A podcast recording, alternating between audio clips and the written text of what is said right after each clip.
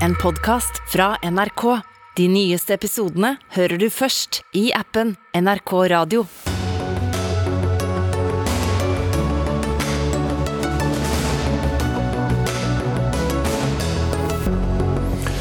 Hvorfor skal lærere og barnehageansatte kun være i karantene etter at de kommer hjem fra jobben? Ja, Det lurer lederen for landets største arbeidstakerorganisasjon på.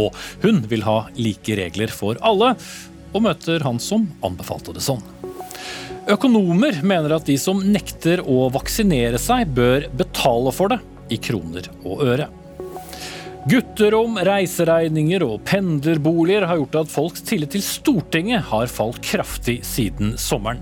Men velgernes hukommelse, den er kort, forsikrer valgforsker. Og det er bra at flere unge snuser fremfor å røyke, mener forsker fra Folkehelseinstituttet. Det er helt på viddene, svarer Kreftforeningen. Ja, riktig godt nytt år, eller det gjenstår vel å se. Men iallfall, velkommen til årets første Dagsnytt 18-sending. Jeg heter eh, Espen Aas. Senere i denne sendingen skal vi også diskutere regjeringens strømpakke, og forsøke å spå litt på vår personlige økonomi inn i 2022, med den høyeste inflasjonen siden finanskrisen. Men som så ofte før, vi starter med pandemien. Og til regjeringens nye regler om såkalt fritidskarantene for lærere og barnehageansatte. For den skaper debatt. Fra årsskiftet ble det altså slik at ansatte i skole og barnehage får unntak fra smittekarantene i arbeidstiden. De kan ta buss, eller annen offentlig transport til og fra jobb, og kan også hente egne barn i barnehage og på skolen. Men når det er unnagjort, så er det karantene frem til neste dag. Og I karantene kan du komme hvis du har vært i nærkontakt da med en som er smittet. Men disse reglene er uheldige, mener du, Mette Nord, leder i Fagforbundet, med 395 000 medlemmer bak deg. Hva er det som gjør dette så kaldt? Nei, dette er jo en lang historie eh, som ikke starter akkurat nå. Men eh, våre medlemmer, ansatte i barnehager og skoler, de har et eh, arbeidspress som har vært helt vanvittig. De har eh, forholdt seg til ulike eh, regler for, eh, for, håndtering av renhold. Små og store kohorter. det har vært nye regler nesten altså annenhver uke i perioder. Eh, og så har eh, de stått i bresjen. De har hatt lav bemanning eh, over lengre tid. Det er høyt sykefravær. Og nå kom det da regler om at jo, de er gode nok til å gå på jobb, men de skal altså holde seg i karantene når de er ferdig. Så kom det noen lettelser med at man kunne i hvert fall få lov å hente unga sine i barnehagen. Men jeg tror altså sosiale medier, innboksene våre bare eksploderte, for nå hadde de fått nok. Strikken er så tøyd. og de de er så slitne, rett og slett. Men hva er da et bedre alternativ? Nei, altså, Skal vi stenge ned skole og barnehage? Ja, altså, det er ikke vår, vår, oppgave å si noe om. Vår oppgave er å si noe om hvordan medlemmene våre opplever situasjonen. Og vi opplever nå at de ansatte man velger på mange måter å utsette både barn og ansatte eh, for en høyere smitterisiko. fordi Hvis vi går inn på FHIs hjemmesider og ser på statistikkene for yrker som er mest utsatt, så ligger altså barnehageansatte eh, og skoleverket eh, veldig høyt oppe på antall smitta i forhold til yrker. Men som statsminister Jonas Gahr Støre vel sa i Politisk kvarter her i NRK i morges, blir jo da fort alternativet å, å stenge ned, og da går det veldig utover barn og unge? Det man nå ser, er jo at 20 av ansatte i barnehager og skoler er vaksinert med boosterdosen. Eh, om tre uker så vil eh, det være 65 eh, Dette kunne vært gjort mye tidligere hvis den forrige regjeringen faktisk hadde prioritert disse folka i vaksinekø. Det gjorde de ikke, og dermed så har de nå nesten sagt et litt etterslep. Heldigvis så har denne regjeringen prioritert disse, men det må jo gå nødvendig tid da, før de kan få vaksinen. Mm.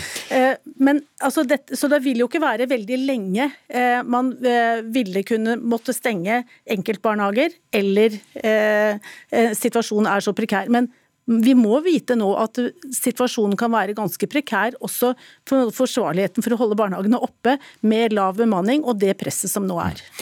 Så er det sånn at det er jo politikerne som tar eh, avgjørelser på innspill da fra Helsedirektoratet og Folkehelseinstituttet. Ingen av de departementene vi var i kontakt med i dag hadde anledning til å stille. Men Espen Nakstad, assisterende helsedirektør, hva, hva, er logikken i å være i karantene når, når, du er ferdig på jobben og har hentet barn i, i barnehagen, og sånn sett kanskje utsatt både den ene og den andre på veien hjem eh, for smitte? Ja, du kan si Logikken i dette med karantene på fritiden den gjelder faktisk etter tre dager for alle som er nærkontakter. Men her har man altså gjort et unntak i arbeidstiden for eh, lærere og barnehageansatte egentlig fra dag én. Eh, og det er klart, Dette er dilemmaer. Dette er jo av hensyn til driften av skolene. Det er ikke noe hemmelighet det. Smittevernmessig så er det klart at strenge karanteneregler er, er, det beste. Men i et samfunn som skal være åpent og drifte mest mulig normalt, så er det vanskelig å ha så strenge karanteneregler. Derfor har disse tingene blitt endret. Men jeg tror også vi kan fokusere på noe positivt her. og For det første så er det sånn som du sier at, at nå er lærere prioritert, og kommunene har fått klar beskjed om å prioritere nå boosterdosevaksinering, altså oppfriskingsdose til ansatte i skoler og barnehager. Det vil jo frita for denne karanteneplikten i utgangspunktet, sånn som for alle andre. Eh, og Da vil man være veldig godt beskyttet også. Eh, og Det andre er at vi nå innfører regelmessig testing i alle skoler hvor det er høyt smittepress. Men hvor godt beskyttet eh, er vi da egentlig nå med omikron på full fart? Det ser ut som du er godt beskyttet mot å bli alvorlig syk, og det er det viktigste. Og det er klart at det vil også ha en smittedempende effekt, selv om den ikke blir borte. Men vi tror at kombinasjonen nå, f.eks. at man har testet elever før de begynte på skolen denne uka, det er viktig. Det at man tester regelmessig kommuner der det er mye smitte, det er viktig for å fange opp smitteførende elever så de kan være hjemme og bli friske og ikke dra og smitte andre på skolene. Og det med en oppfriskingsdose for lærerne er selvsagt veldig viktig. Og Det er på en måte det mulighetsrommet vi har nå. Eh, det vil være effektivt, men det vil ikke garantere at smitte ikke vil finne sted på skoler. Eh, og det er klart at eh, vi forstår det dilemmaet. Mm. Beroliget, Mette Nord? Nei, altså vi, vi, konstaterer bare at våre medlemmer og de ansatte i barnehager, og særlig barnehager og SFO, er, eh, strikken er så tøyd eh, at de er kjempeslitne og det er høyt sykefravær. Og vi er bekymra rett og slett for, for, hvor lenge man klarer å holde det gående på denne måten. Eh, det må helt kraftige tiltak til. Og så er jo, jo det, Vi må få si, opp antall i bemanningen. Altså, det er for lav bemanning. Vi må ha et bedre system for vikarkorps som kan tre inn opplæring. Reservebenken vår er helt fullstendig tom.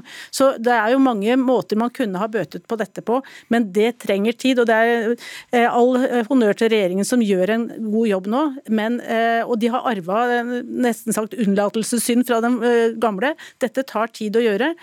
Så vi bare nå oppfordrer alt vi kan til å ta boosterdosen, sånn at man kommer ut av denne situasjonen.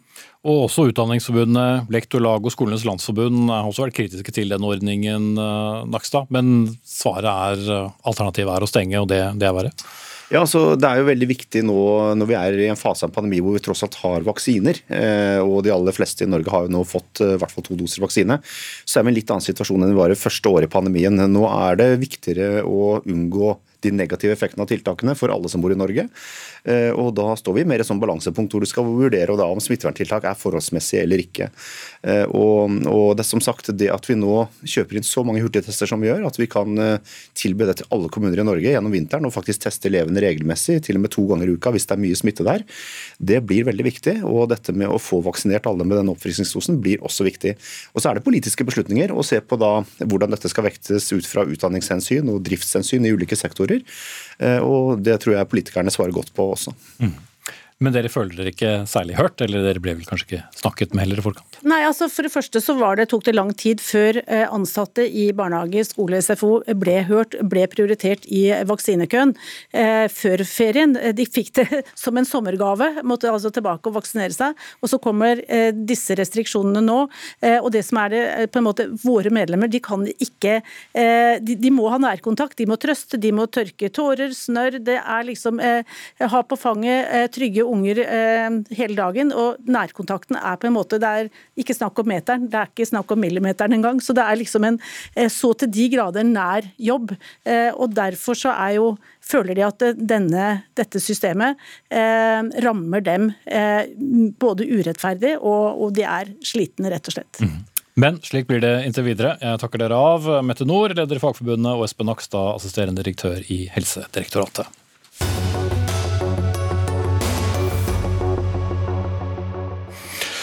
Men vi gir oss ikke med tematikken, altså. For uh, omikron-varianten som uh, jeg nevnte, er nå den dominerende virusvarianten i Norge, fortalte Folkehelseinstituttet i en pressemelding i formiddag. Og nå som uh, hverdagen igjen truer, så kommer vel også det et slags svar på hva juleferie og julefeiring kommer til å ha for smittetallene. Og Line Wold, avdelingsdirektør ved Folkehelseinstituttet, ut fra de tallene dere har og dataene dere nå har, hvordan ser januar ut?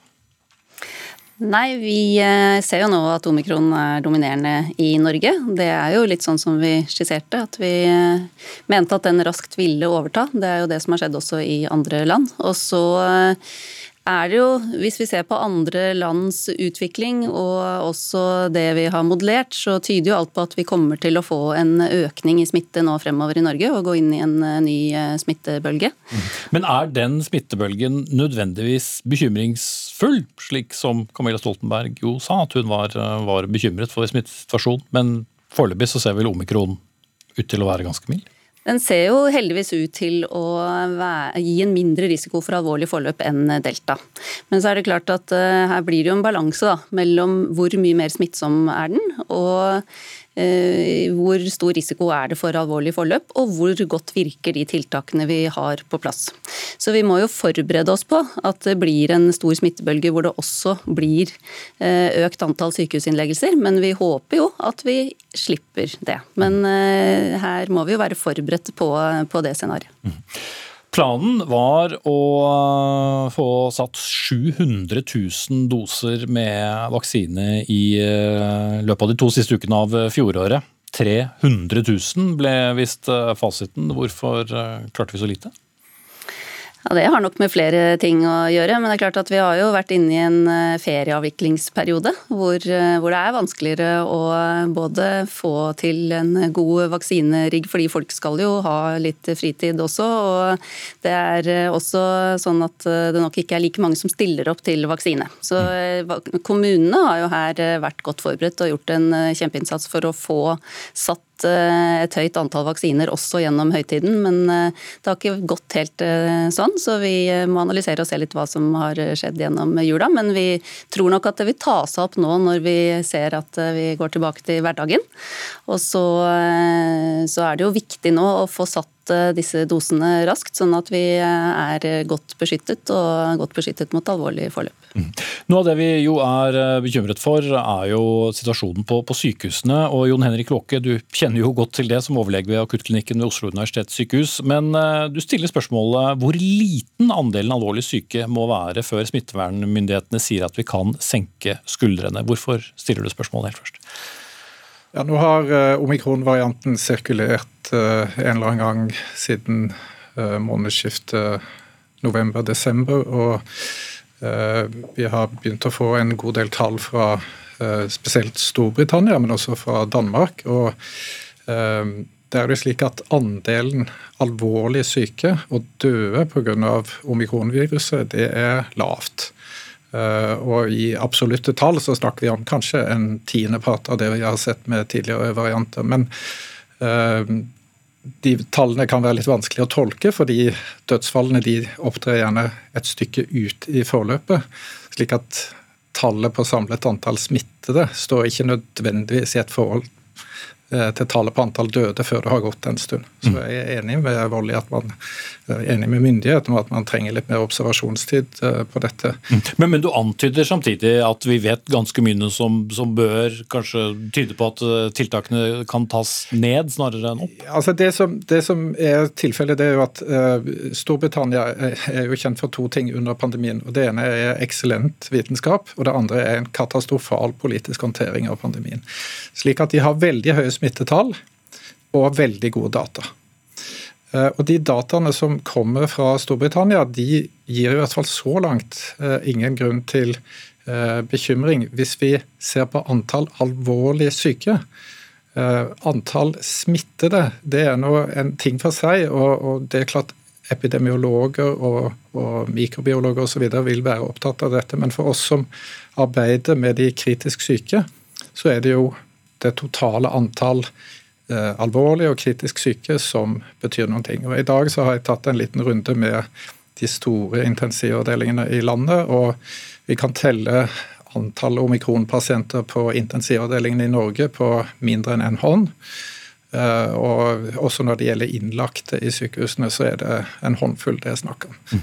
Ja, vi har jo spurt dere ved Folkehelseinstituttet flere ganger nå i mange uker. Når vet vi nok om dette viruset? Må vi ha våre egne undersøkelser før vi kan konkludere, eller er tall fra f.eks. Storbritannia og Danmark som lokkeviser til eh, god data å lene seg på? Det er helt klart gode data å lene seg på. sånn at eh, Vi eh, følger selvfølgelig nøye med på hva som skjer der. og Vi er jo også i ferd med å gjøre noe, nye modelleringer hvor vi eh, legger inn de dataene som Eller justerer på de dataene i henhold til erfaringer fra både, både Storbritannia og Danmark. Blant Men likevel så er dere bekymret? Ja, vi er bekymret fortsatt, og det er for så vidt Danmark f.eks. også. De antar jo at de går inn i en litt hard måned nå, i januar. Eh, det var de jo ute og sa sist i dag. Og det er jo fordi at eh, med et stort antall smittede, så er vi jo fortsatt eh, bekymret for hvor mye sykehusinnleggelser det vil gi, samlet sett. Det er litt tidlig å konkludere med det ennå. Heldigvis så er det mye som tyder på at, at det blir vesentlig mindre enn i et verstefallsscenario. Mm. Så, så det er vi jo glade for. Men vi må fortsette å følge med på hvordan utviklingen er. Og så har vi også pekt på dette med at hvis mange blir smittet, smittet, så blir det mange som blir syke, som ikke nødvendigvis trenger sykehusinnleggelse, men som vil medføre fravær fra kritiske samfunnsfunksjoner, også i helsevesenet f.eks. Så, så det er også en bekymring som vi må ta med oss. Du har jo en operativ jobb, Låke, men hvis du også skulle kunne gi råd, hva ville du sagt? Nei, jeg, jeg syns egentlig ikke det er så uh, noe stort poeng for meg å gi råd. Det skal myndighetene gi. Men, men jeg syns det er et poeng at vi som er klinikere, og som også snakker med klinikere i andre land, uh, er med på å formidle den virkeligheten vi står uh, oppe i. Og Per i dag så er det jo fortsatt ganske mye koronapasienter i norske intensivavdelinger, men de aller aller fleste av de, de er pasienter som har vært smittet med delta-varianten, og mange av de har ligget lenge på intensivavdelingene. Slik at det, det er en annen Eh, pasientgruppe enn hvis vi kun snakker om omikron-pasientene. Og Så er det et par ting til. Eh, omikron eh, har jo vært gjenstand for en del undersøkelser som ikke bare handler om smittetall og antall innlagt osv., men biologiske studier. Og Disse indikerer i hvert fall at tilbøyeligheten til å skape alvorlig sykdom i lungene er mindre Eh, med denne varianten. Og Da er vi inne på det som egentlig er et nokså alminnelig biologisk fenomen, og det er at eh, vi har biologisk, en biologisk variasjon i sykdomsuttrykk. Ikke bare mellom ulike virus, men også innenfor det samme viruset.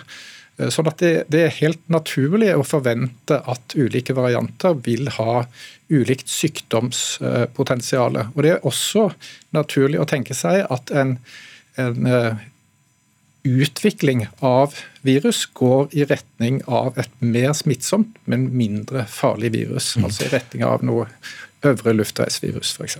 Da venter vi alle med spenning på om det kommer noen eh, konklusjon der. Takk til Jon Henrik eh, Låke, overlege ved akuttklinikken ved Oslo universitetssykehus, og Line Wold, avdelingsdirektør ved Folkehelseinstituttet.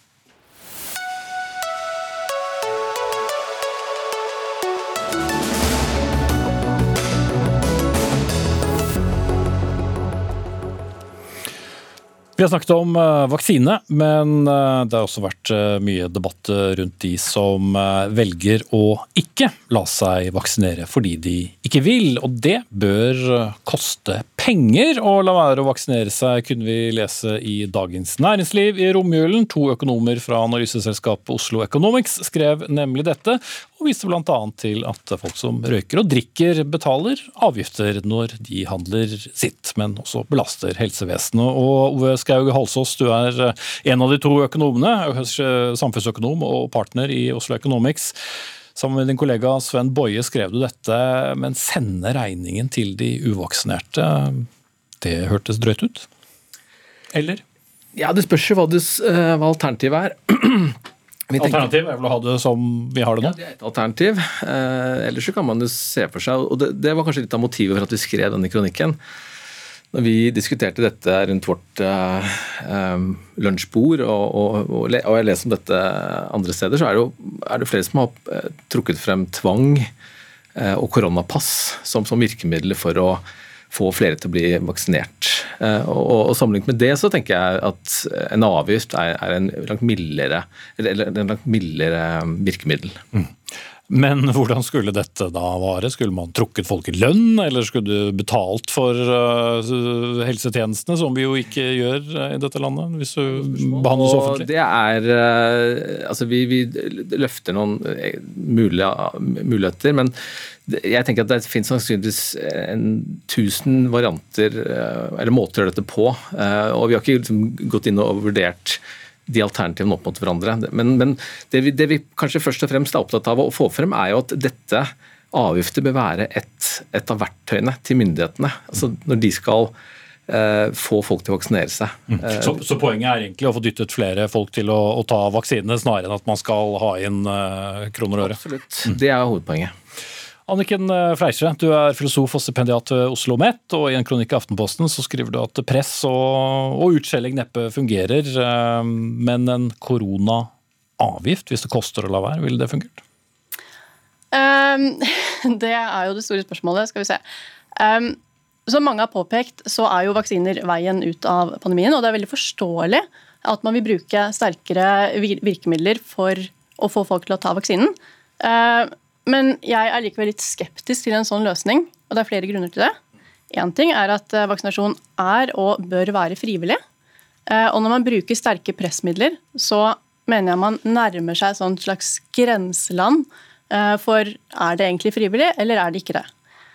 Men det som er kanskje enda viktigere, det går på hvilken effekt det har, og hvilke samfunnsmessige konsekvenser det kan ha på sikt. Så Det er f.eks. en studie fra England som viser det. Det handler om vaksinepass. Eh, den antyder at folk eh, ble mindre villige til å ta vaksinen hvis de opplevde det som et ikke fritt valg. Eh, og I tillegg så kan det føre til økt mistro til helsemyndighetene.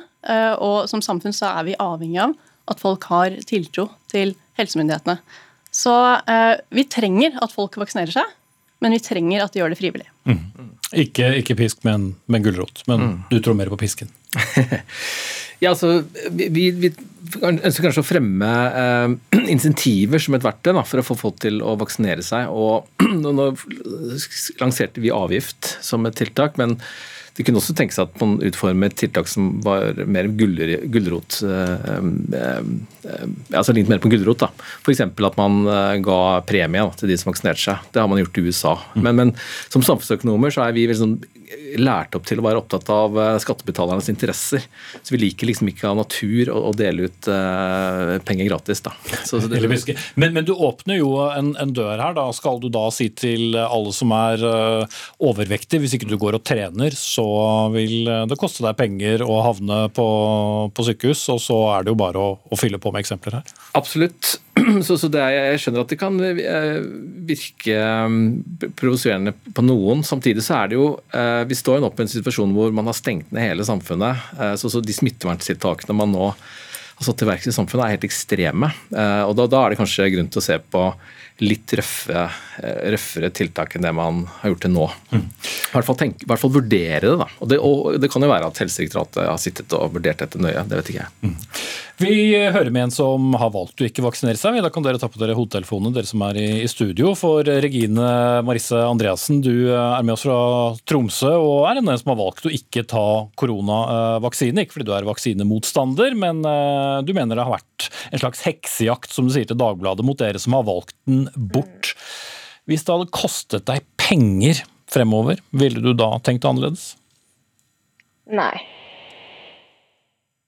Absolutt ikke. Nei. Det var en litt interessant eh, linje, høres det ut som. Men for de som da måtte lure på det, hvorfor har du valgt å, å ikke vaksinere deg? Jeg har valgt å vaksinere meg fordi at eh, nå er jo tross alt 92% av befolkninga fullvaksinert. Eh, og ettersom man har sett alt av bivirkninger og smittetallene hvor de stiger nå når det er såpass mange i befolkninga som allerede er vaksinert, så vil jo det si at vaksiner funker jo ikke sånn som man skulle ha ønska at den gjorde. Uh, ja. Mm. Men beskytter mot uh, alvorlig sykdom? Ja, det kan jo hende det. Eh, men det er jo eh, et valg som man er nødt til å ta eh, hver enkelt av oss. fordi at det beskytter jo kun en sjøl eventuelt, da. Ikke noen andre. Men Du føler deg ikke som en, en gratis passasjer da, for å, å følge litt logikken til, til, økonomene her, når du lar andre vaksinere seg for at du skal kunne la være? Nei, absolutt absolutt ikke. Jeg betaler skatt og gjør min del av dugnaden. Eh, alt annet enn å vaksinere meg. Mhm. Men eh, tilbake til deg, Anniken Fleisje, Fleische, som sitter her i studio, og ikke like mye forsinkelse som, som, som linjen ut. Nå har vi jo vaksinert ganske lenge. Det er lenge siden de første vaksinedosene ble satt. Oppfordringene har kommet måned etter måned, og ja, vi kommer omtrent så langt som, som det vi gjør. Skal man da fortsette å si du bør gå og vaksinere deg, eller bør vi ta litt mer drastiske tiltak? Altså jeg har tro på eh, informasjon, også sånn som vi gjør i dag. Og at det er viktig at informasjonen som gis, er eh, presis og korrekt. Eh, og ellers så har man jo noe som heter f.eks. tilrettelagt vaksinasjon for de som er engstelige for vaksinen. Man kan, eh, man kan, eh, ringe på forhånd og snakke med helsepersonell. altså Sånne type tiltak da, som jeg håper blir kjent til de som måtte trenge det. Utover det har ikke jeg noe svar på hva som er løsningen. Mm. Det, Men ikke et dytt? Rett og slett, som, eh, som, eh, som økonomene vil? Altså, jeg er litt bekymra for hvilke konsekvenser det vil kunne få. Eh, og vi ser til andre land at det er til dels splittelse, polarisering, en litt altså stygg debatt. Som jeg håper at vi klarer å komme oss unna her. Mm. Det er jo allerede en viss polarisering mellom de som har tatt vaksine og de som ikke har gjort det. Altså, blir det ikke bare mer av det? Um, ved, ved, å mene at de som ikke har, uh, har tatt den, kanskje, må betale for det? Kanskje, men samtidig så har vi jo innført lignende avgifter på uønsket atferd på andre områder. F.eks. dieselavgift. som jeg kjørte på vei hit i min gamle dieselbil, så, så betalte jeg, jeg ikke, 50-100 kroner for, for, det. da. Uh, og Det var det en veldig sånn opp, opprørt diskusjon om for noen år siden. og Det ble, ble startet et eget bompengeparti i Oslo. Men vi stenger ikke ned hele samfunnet fordi noen kjører diesel? Nei, det gjør man ikke. Eh, men, men, men det har jo roet seg ned. da, og, nå, og, det har ført til at eh, det er veldig få dieselbiler i Oslo sentrum, og, og biler generelt. da, Så man har oppnådd det man ønsker. da. Mm. Men om det skal koste kroner for korona, ligger vel et godt stykke langt frem i tid uh, uansett. Takk skal dere ha som kom hit. Ove Skaug Halsås, samfunnsøkonom ved Oslo Economics. Anniken Fleischer, eh, Fleischer faktisk, filosof og stipendiat ved Oslo OsloMet. Og Regine Marisse Andreassen, som var med oss fra Tromsø, på en litt ruskete linje.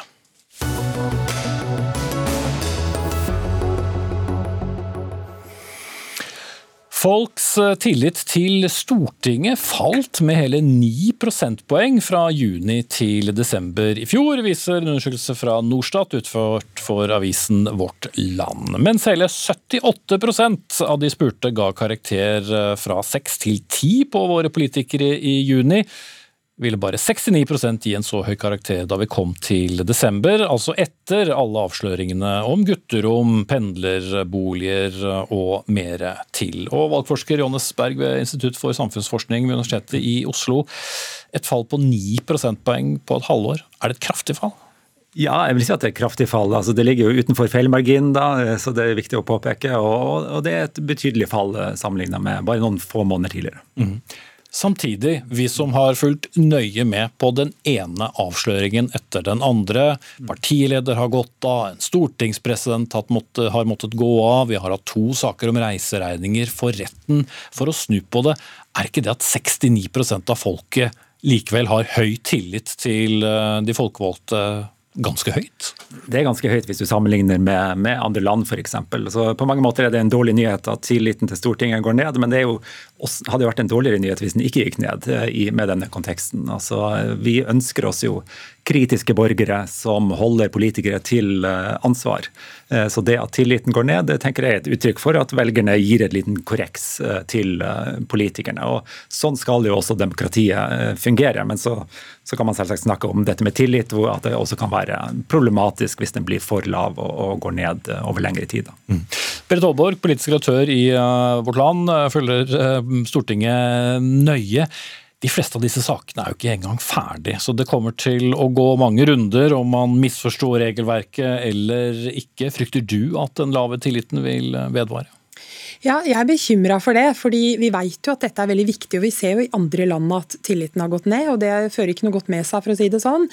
Men jeg tror de sakene som er nevnt her, tror jeg har noe med saken å gjøre. Og så har vi også flere andre hva skal vi si, liksom tunge politiske saker som ruller samtidig. F.eks. Eh, ganske tøffe tiltak nå vi har hatt på korona.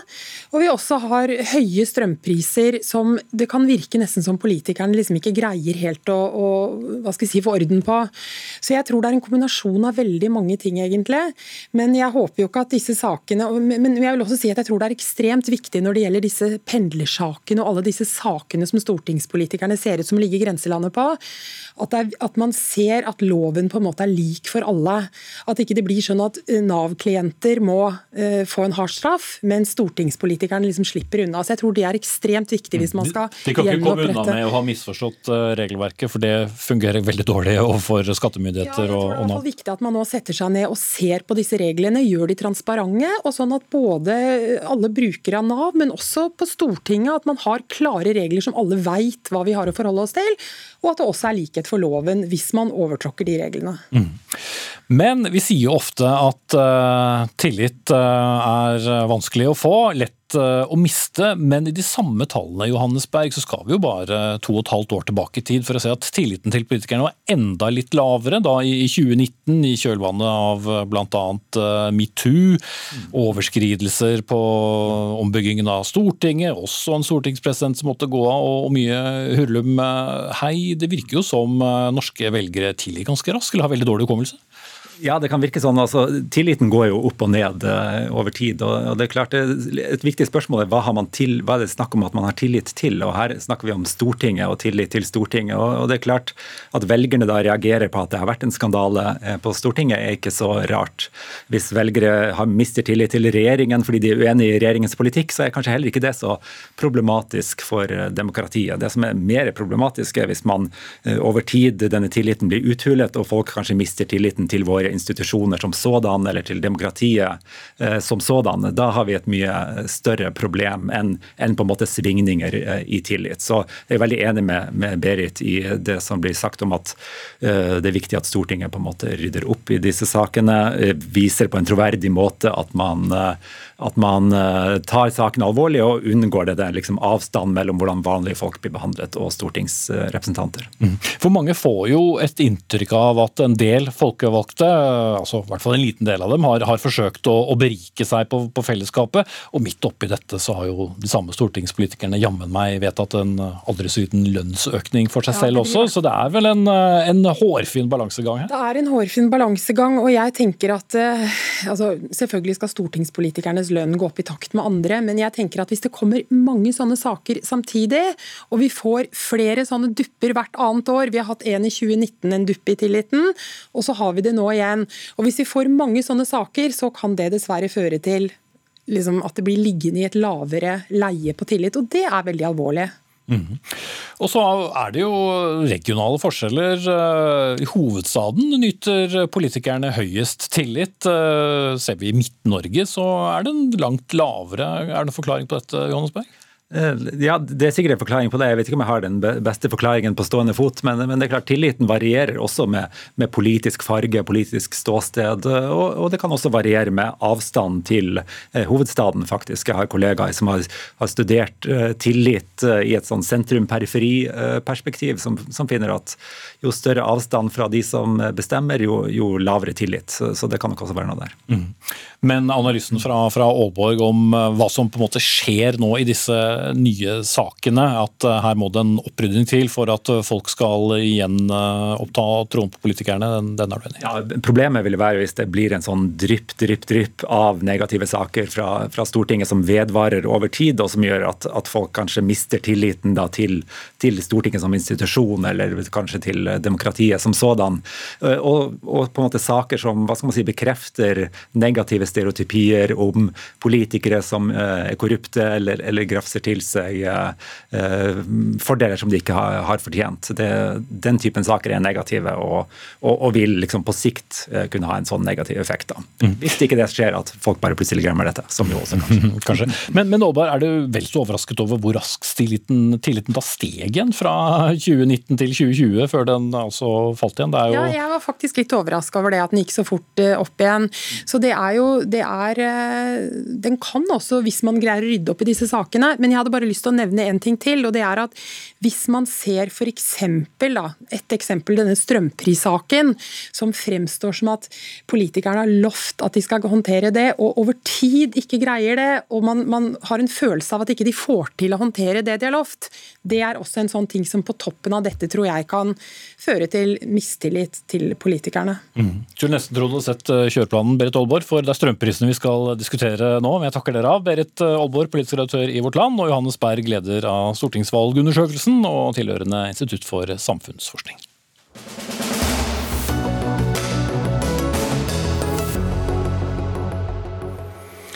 For eh, vi har lagt eh, en høytid bak oss, en eh, høytid med et høyt strømforbruk, faktisk. Og nå kommer vel den økonomiske sure svie i form av strømregning, uansett om vi får litt hjelp av myndighetene. For den blir høy for veldig veldig mange, høyere enn folk har sett uh, før.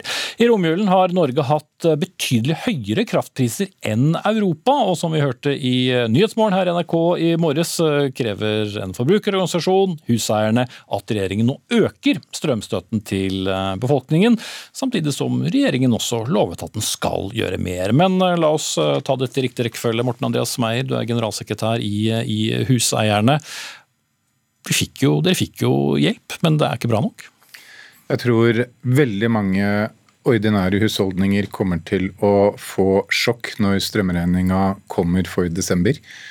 Mange vanlige husholdninger, mange vanlige familier kommer til å få en strømregning på 7 8 9 10 000 kroner. Og de vil oppdage at den strømstøtten som regjering og storting har lovt dem, kommer til å være langt mindre enn det de har forventninger om. Mm. Ja, la oss gjenta det. Da, altså, da vil, når, når, prisen har vært over 70 eh, øre per kWt, som den jo har vært mer eller mindre sammenhengende, så eh, betaler da eh, regjeringen 55% av det overskytende før eh, avgifter. Ja, og Det er viktig å tenke at det er før avgifter. For oppå dette så legger du eh, nettleie, og du legger de andre offentlige avgiftene, moms. og du legger moms på det. Eh, og Det er jo derfor disse 55% blir til 20 eh, for de aller fleste. Mm.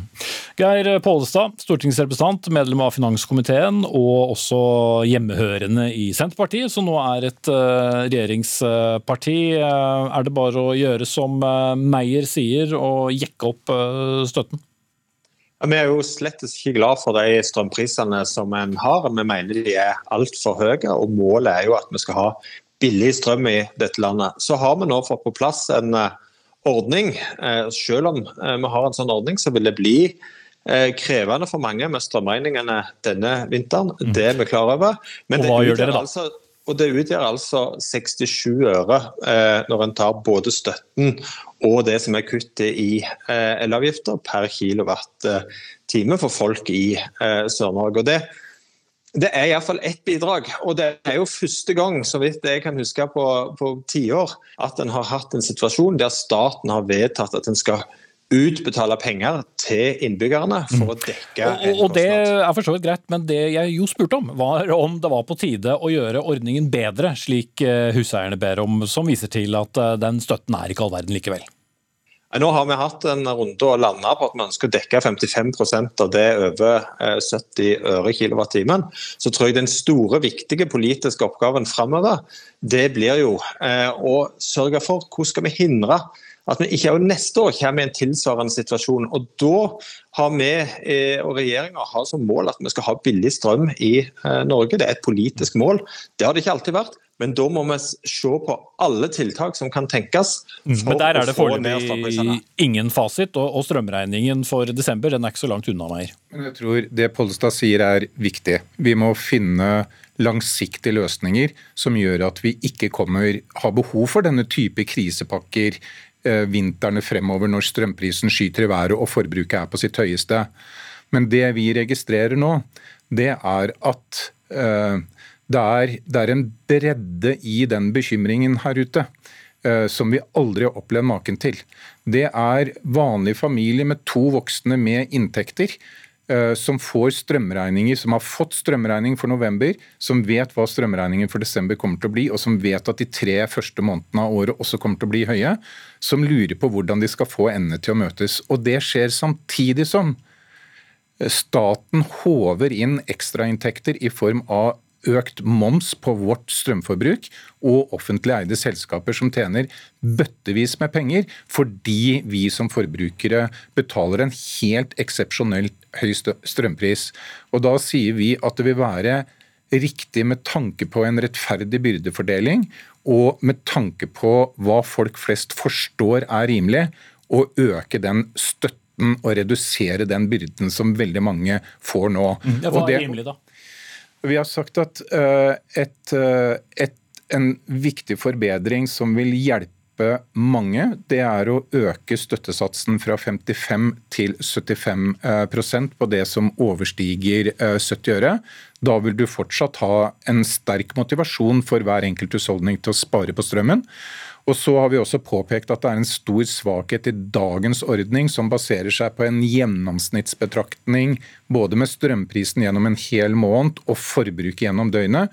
Den må vektes slik at fakt, strømstøtteordningen faktisk reflekterer den faktiske kostnaden som hver enkelt husholdning blir påført. Og det, Dette vil kunne gi en ytterligere støtte på et sted mellom 500 og 1000 kroner på en kall det gjennomsnittshusholdning og et strømforbruk på ca. 3000 kWt. Og, og ettersom eh, da eh, både staten og kraftselskaper og kraftselskapseiere, kommuner, alle tjener masse penger på denne krisen. De som betaler for det, er de som bruker strøm. Geir Pollestad, ville det da vært så urimelig å øke eh, andelen som, som staten betaler? For det går jo ikke utover noe annet engang. Det er alltid en diskusjon om hvor nivået skal eh, ligge. Nå har vi lagt det på 55% over 70 øre. Det ligger, det det ligger fast. Eh, og så har han brukt altså 3 milliarder kroner på å kutte i elavgifter for de tre første månedene. Eh, og så er det litt usikkert hvor mye dette koster, men, eh, men en par-tre par, milliarder i støtte i desember, og sannsynligvis tilsvarende i januar, februar og mars. Så det er en massiv satsing, men jeg tror det aller viktigste er at en jobber målretta med å oppnå et politisk mål om at uh, vi skal ha lave strømpriser for mm. folk. Men, men det hjelper jo ikke så mye på, på, på, de regningene som man får i januar og februar. Tror du Geir Pollestad, at uh, du hadde vært fornøyd med ditt eget svar hvis du fortsatt satt i opposisjon og det var posisjon som presenterte denne løsningen som dere har?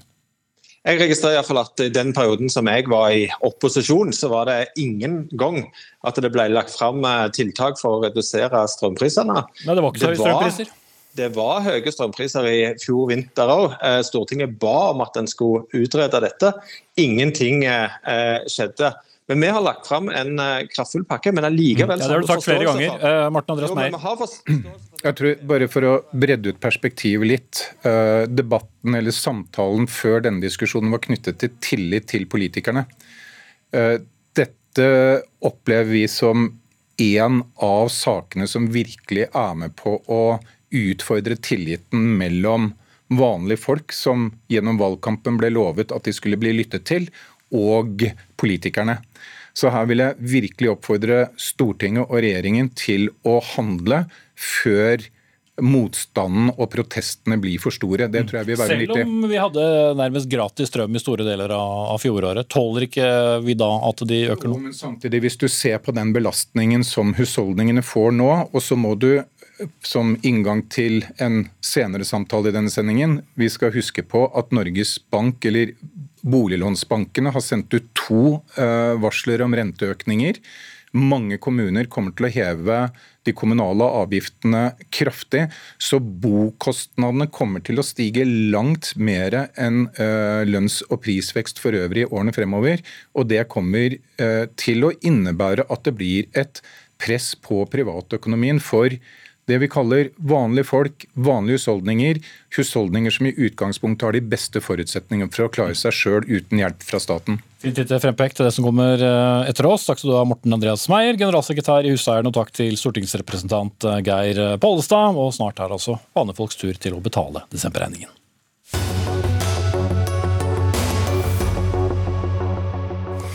Ja, for det som eh, for mange kanskje ble et eh, annus horribilis. 2021 endte altså med strømpriser på fantasinivå, økte boliglånsrenter, som eh, Morten Meier nevnte, økende bensin- og dieselpriser, utflatende boligpriser og den høyeste inflasjonen eller prisstigningen siden finanskrisen. Godt nytt år, altså.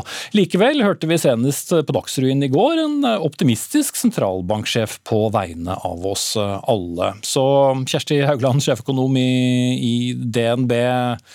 Selv om det gjør litt vondt i en ende, så gjør det godt i en annen ende, så da har vi det i snitt ganske bra. Ja, det er jo klart, Dette er jo gjennomsnittsbetraktninger, som du påpeker. Men det er ingen tvil om det at eh, disse økte levekostnadene som kommer gjennom de faktorene du nettopp beskrev, at de eh, gjør at kjøpekraften til folk har blitt eh, da redusert i forhold til det han hadde vært hvis vi hadde hatt eh, vært fravær av disse faktorene. Fordi lønnsveksten i fjor den ble jo egentlig mer eller mindre ete opp av prisveksten. Og i år så er det jo òg duka for fortsatt høye strømpriser og en sterk økning, tror vi òg, videre i andre typer konsumpriser pga. flaskehalsene som vi ser globalt i varehandelen. Og det biter jo på lommeboka til folk eh, flest. Men så skal vi huske på det, da. At uh, i dagens situasjon, når arbeidsmarkedet er ganske stramt, altså det er manko på arbeidskraft blant en hel rekke typer bedrifter, det betyr at lønnstakerne sin posisjon og forhandlingsposisjon i lønnsoppgjøret til våren er sterkere enn den har vært på en god stund. Det betyr at det er god sjanse for å få kompensert for denne høyere prisveksten i lønnsoppgjørene, som altså betyr at folk da får en oppgang i kjøpekraften sin eh, samla sett. Mm. Ja, inflasjon er vi jo normalt sett veldig opptatt av, ikke minst er jo Norges Bank det når de skal fastsette renten. De styrer den etter et inflasjonsmål, men vi har kanskje glemt denne inflasjonen inflasjonen de siste årene pga. Av, av pandemien og helt andre utenforliggende faktorer. Men uh, Olaf Skjenn, fondsforvalter i, i Storebrand. Det er jo veldig mye strømpris da, som ligger inne i uh, disse inflasjonstallene, så hvor ille ute er vi? Ja, I Norge så er det som eh, du sier, først og fremst strømprisen som dratt uh, inflasjonen opp. Og det er egentlig ikke så skremmende med tanke på rentepolitikk, rentepolitikken og renteutsiktene. For det, for det rensker Norges Bank eh, inflasjonen for. De ser på noe som heter kjerneinflasjon, hvor energiprisene fjernes fordi de ofte er så volatile, og du får ikke gjort noe med det uansett om du hever renten. Men du ser på trendene internasjonalt, da, som også er det som kanskje bekymrer meg mer, og som har potensial til å forplante seg til Eh, Norge også, som Kjersti nevnte, via uh, ulike forsyningskjeder, så er inflasjonen kjempehøy. Tar du USA, som er verdens viktigste økonomi, så endte jo inflasjonen uh, det tallet som fikk i desember, på hele uh, 7 som er historisk høy. Og Det reduserer kjøpekraften, men det bidrar også til at man er nødt til å stramme inn pengepolitikken eller rentepolitikken strammere. For Det er riktig å ha spørsmålene her i riktig rekkefølge. fordi Hva er det som er et av de viktigste målene til eh, pengepolitikken? Jo, det er å gi stabil inflasjon. Og En måte pengepolitikken gjør dette her på, er jo å regulere etterspørselen. Nå har det vært veldig mye fokus på at inflasjonen er blitt drevet opp av såkalte flaskehalser og tilbudssideeffekter som eh, er påvirket av pandemien. Men eh, jeg er i hvert fall av oppfatning at eh, mye av de stimulansene i form av finanspolitikk og pengepolitikk har også bidratt til høy etterspørsel. Og Det er der sentralbanken kan gjøre noe med via pengepolitikken. Mm. Ja, for Litt av argumentasjonen til Øystein Olsen når han snakket om at ting går bra, er jo at de aller fleste hadde jo et godt 2021 år. De satte av mer penger enn før, investerte penger. Så på et eller annet tidspunkt så må jo en periode med lav prisvekst og veldig billige lån være over. Og det må gjøre litt vondt?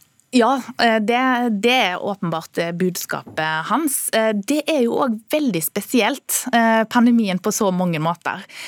Og det vi har sett av de gigantiske overføringene da, via finanspolitikken, først og fremst i USA, som Olav Kjent snakker om her, men òg i Norge, at vi har fått så kraftige og uvanlige kompensasjonsordninger som gjør nettopp det at vi sitter med en sånn oppdemma kjøpekraft i samfunnet som er klar til å slippe løs når restriksjonene igjen løsnes opp i. Det betyr at vi har altså vi har fått sett da, i gjenåpningsperioder tidligere at tilbudssida i økonomien, produksjonssida i økonomien, har rett og slett problemer med å holde tritt med den etterspørselen som nettopp har samla seg opp. Og Det er jo nettopp derfor inflasjonen kommer.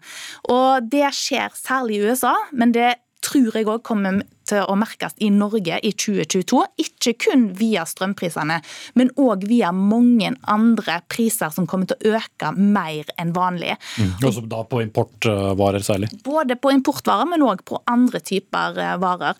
Og Da tror jeg at eh, det er duka for eh, sterkere renteøkninger enn det det lå an til for en stund siden. Og fordi vi har fått demonstrert nettopp det, at pandemipolitikken, pandemikrisepolitikken, den ekstreme samkjøringen samkjøringa mellom penger og finanspolitikk i form av tiltak som vi aldri tidligere har sett, her i Norge f.eks.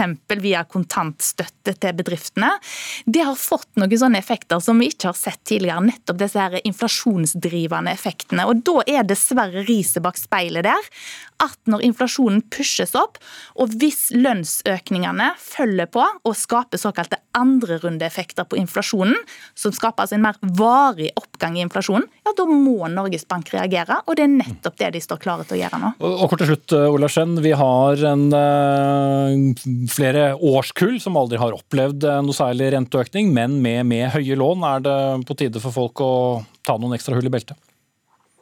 Absolutt, og har de ikke allerede spart, så bør de ha spart til å og i påvente av høyere rente. fordi de rentenivåene jeg har hatt, er jo historisk og eksepsjonelt eh, lave. og Jeg regner med at de bankene som har gitt dem eh, lån, har preppet dem til å tåle høyere renter. Så det bør ikke være noen overraskelse at rentene vil stige eh, fremover. I så fall så har de eh, gjort eh, en feil. Det som vi har sett er jo at det er de gruppene som du prater om, det er de som også er de som har tatt opp mest gjeld. og Vi ser at rentefølsomheten har økt ganske mye. slik at et kvart, kvart prosentpoeng nå er ikke samme som et kvart prosentpoeng for ti år tilbake når gjeldsgraden var mye lavere. Nå gir den effekten mye større. Eller Er den effekten mye større. Mm. Vi får se hvordan det utspiller seg. Takk til eh, Kjersti Haugland, sjeføkonom i DNB, og Olav Skjenn, fondsforvalter i Storebrand.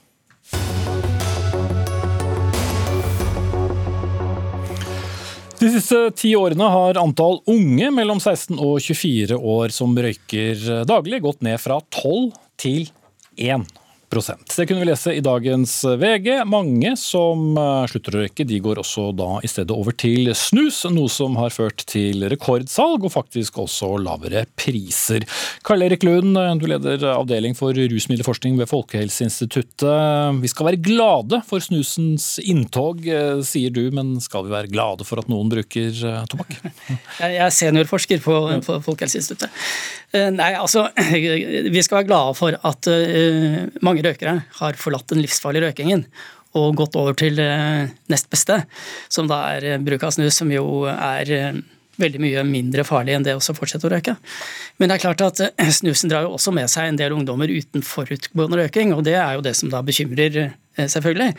Men her må vi se på eh, tallene. Nå ser vi at eh, ungdomssnusingen har stabilisert seg. Den har etter hvert begynt å gå litt ned. Mm. Og den voldsomme økningen vi fikk i ungdomssnusingen, den kom jo først og fremst av at det var ungdommer som forlot røyken sin og så plukket opp snus isteden. Og det, det, er noe som bidrar til en gevinst for folkehelsen. Mm.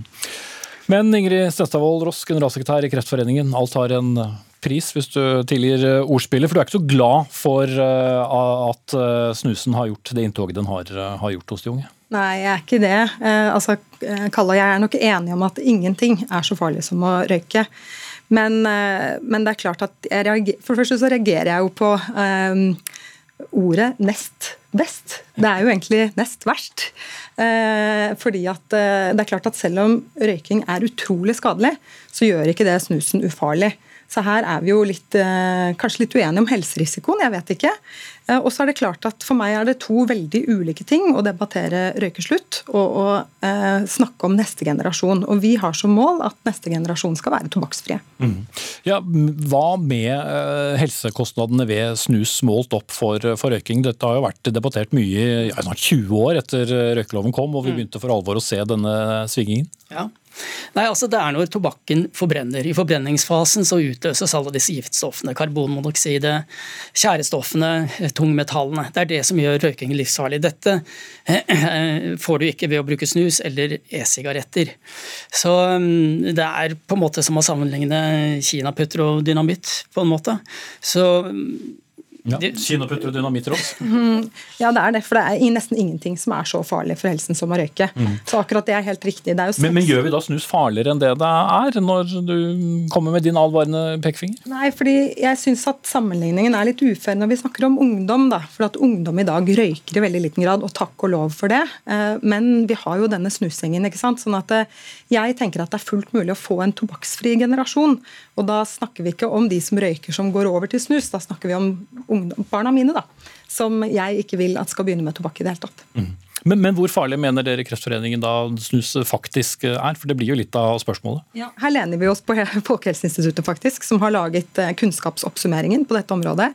Og der, der, står det jo at det er sannsynlig sammenheng mellom eh, snusing og kreft i spiserør og bukspyttkjertelkreft bl.a. Og det er jo to kreftformer med veldig høy dødelighet. Så det er, med den sammenhengen så er det jo alvorlig. Mm. Kunne man innført et forbud uh, mot uh, snus? Uh, det er jo ikke så mange steder i Europa du faktisk har lov til å snuse. Norge og Sverige Nei. er jo to helt unntak. Ja, det er riktig. Jeg tror vel kanskje det er vanskelig også å innføre et forbud mot snus over natta. Og iallfall hvis man bare forbød snus og ikke den livsfarlige røykingen. Det ville være å gå litt sånn bakvendt inn i, i, fremtiden.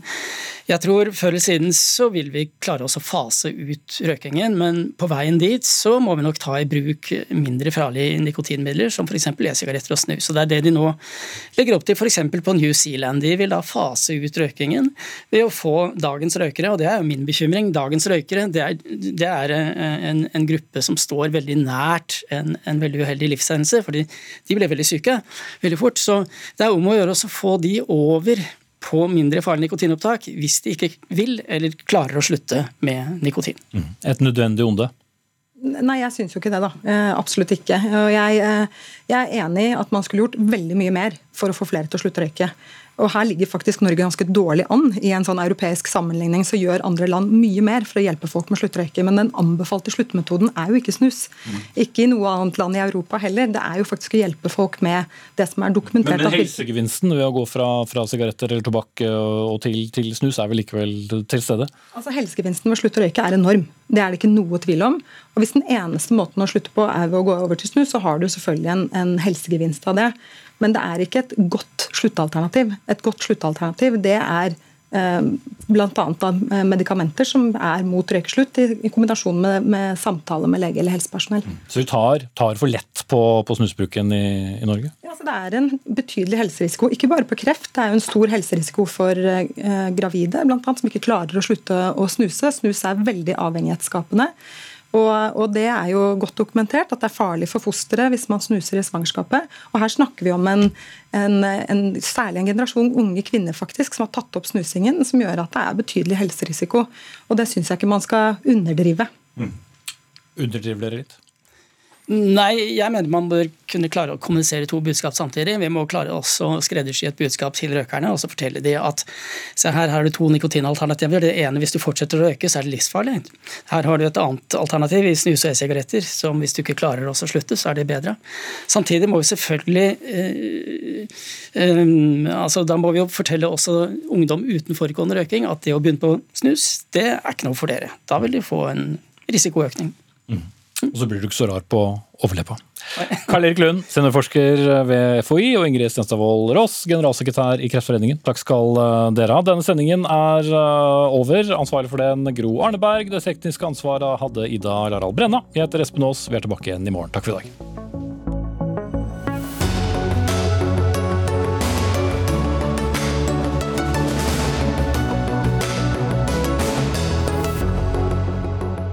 Du har hørt en podkast fra NRK. De nyeste episodene hører du først i appen NRK Radio.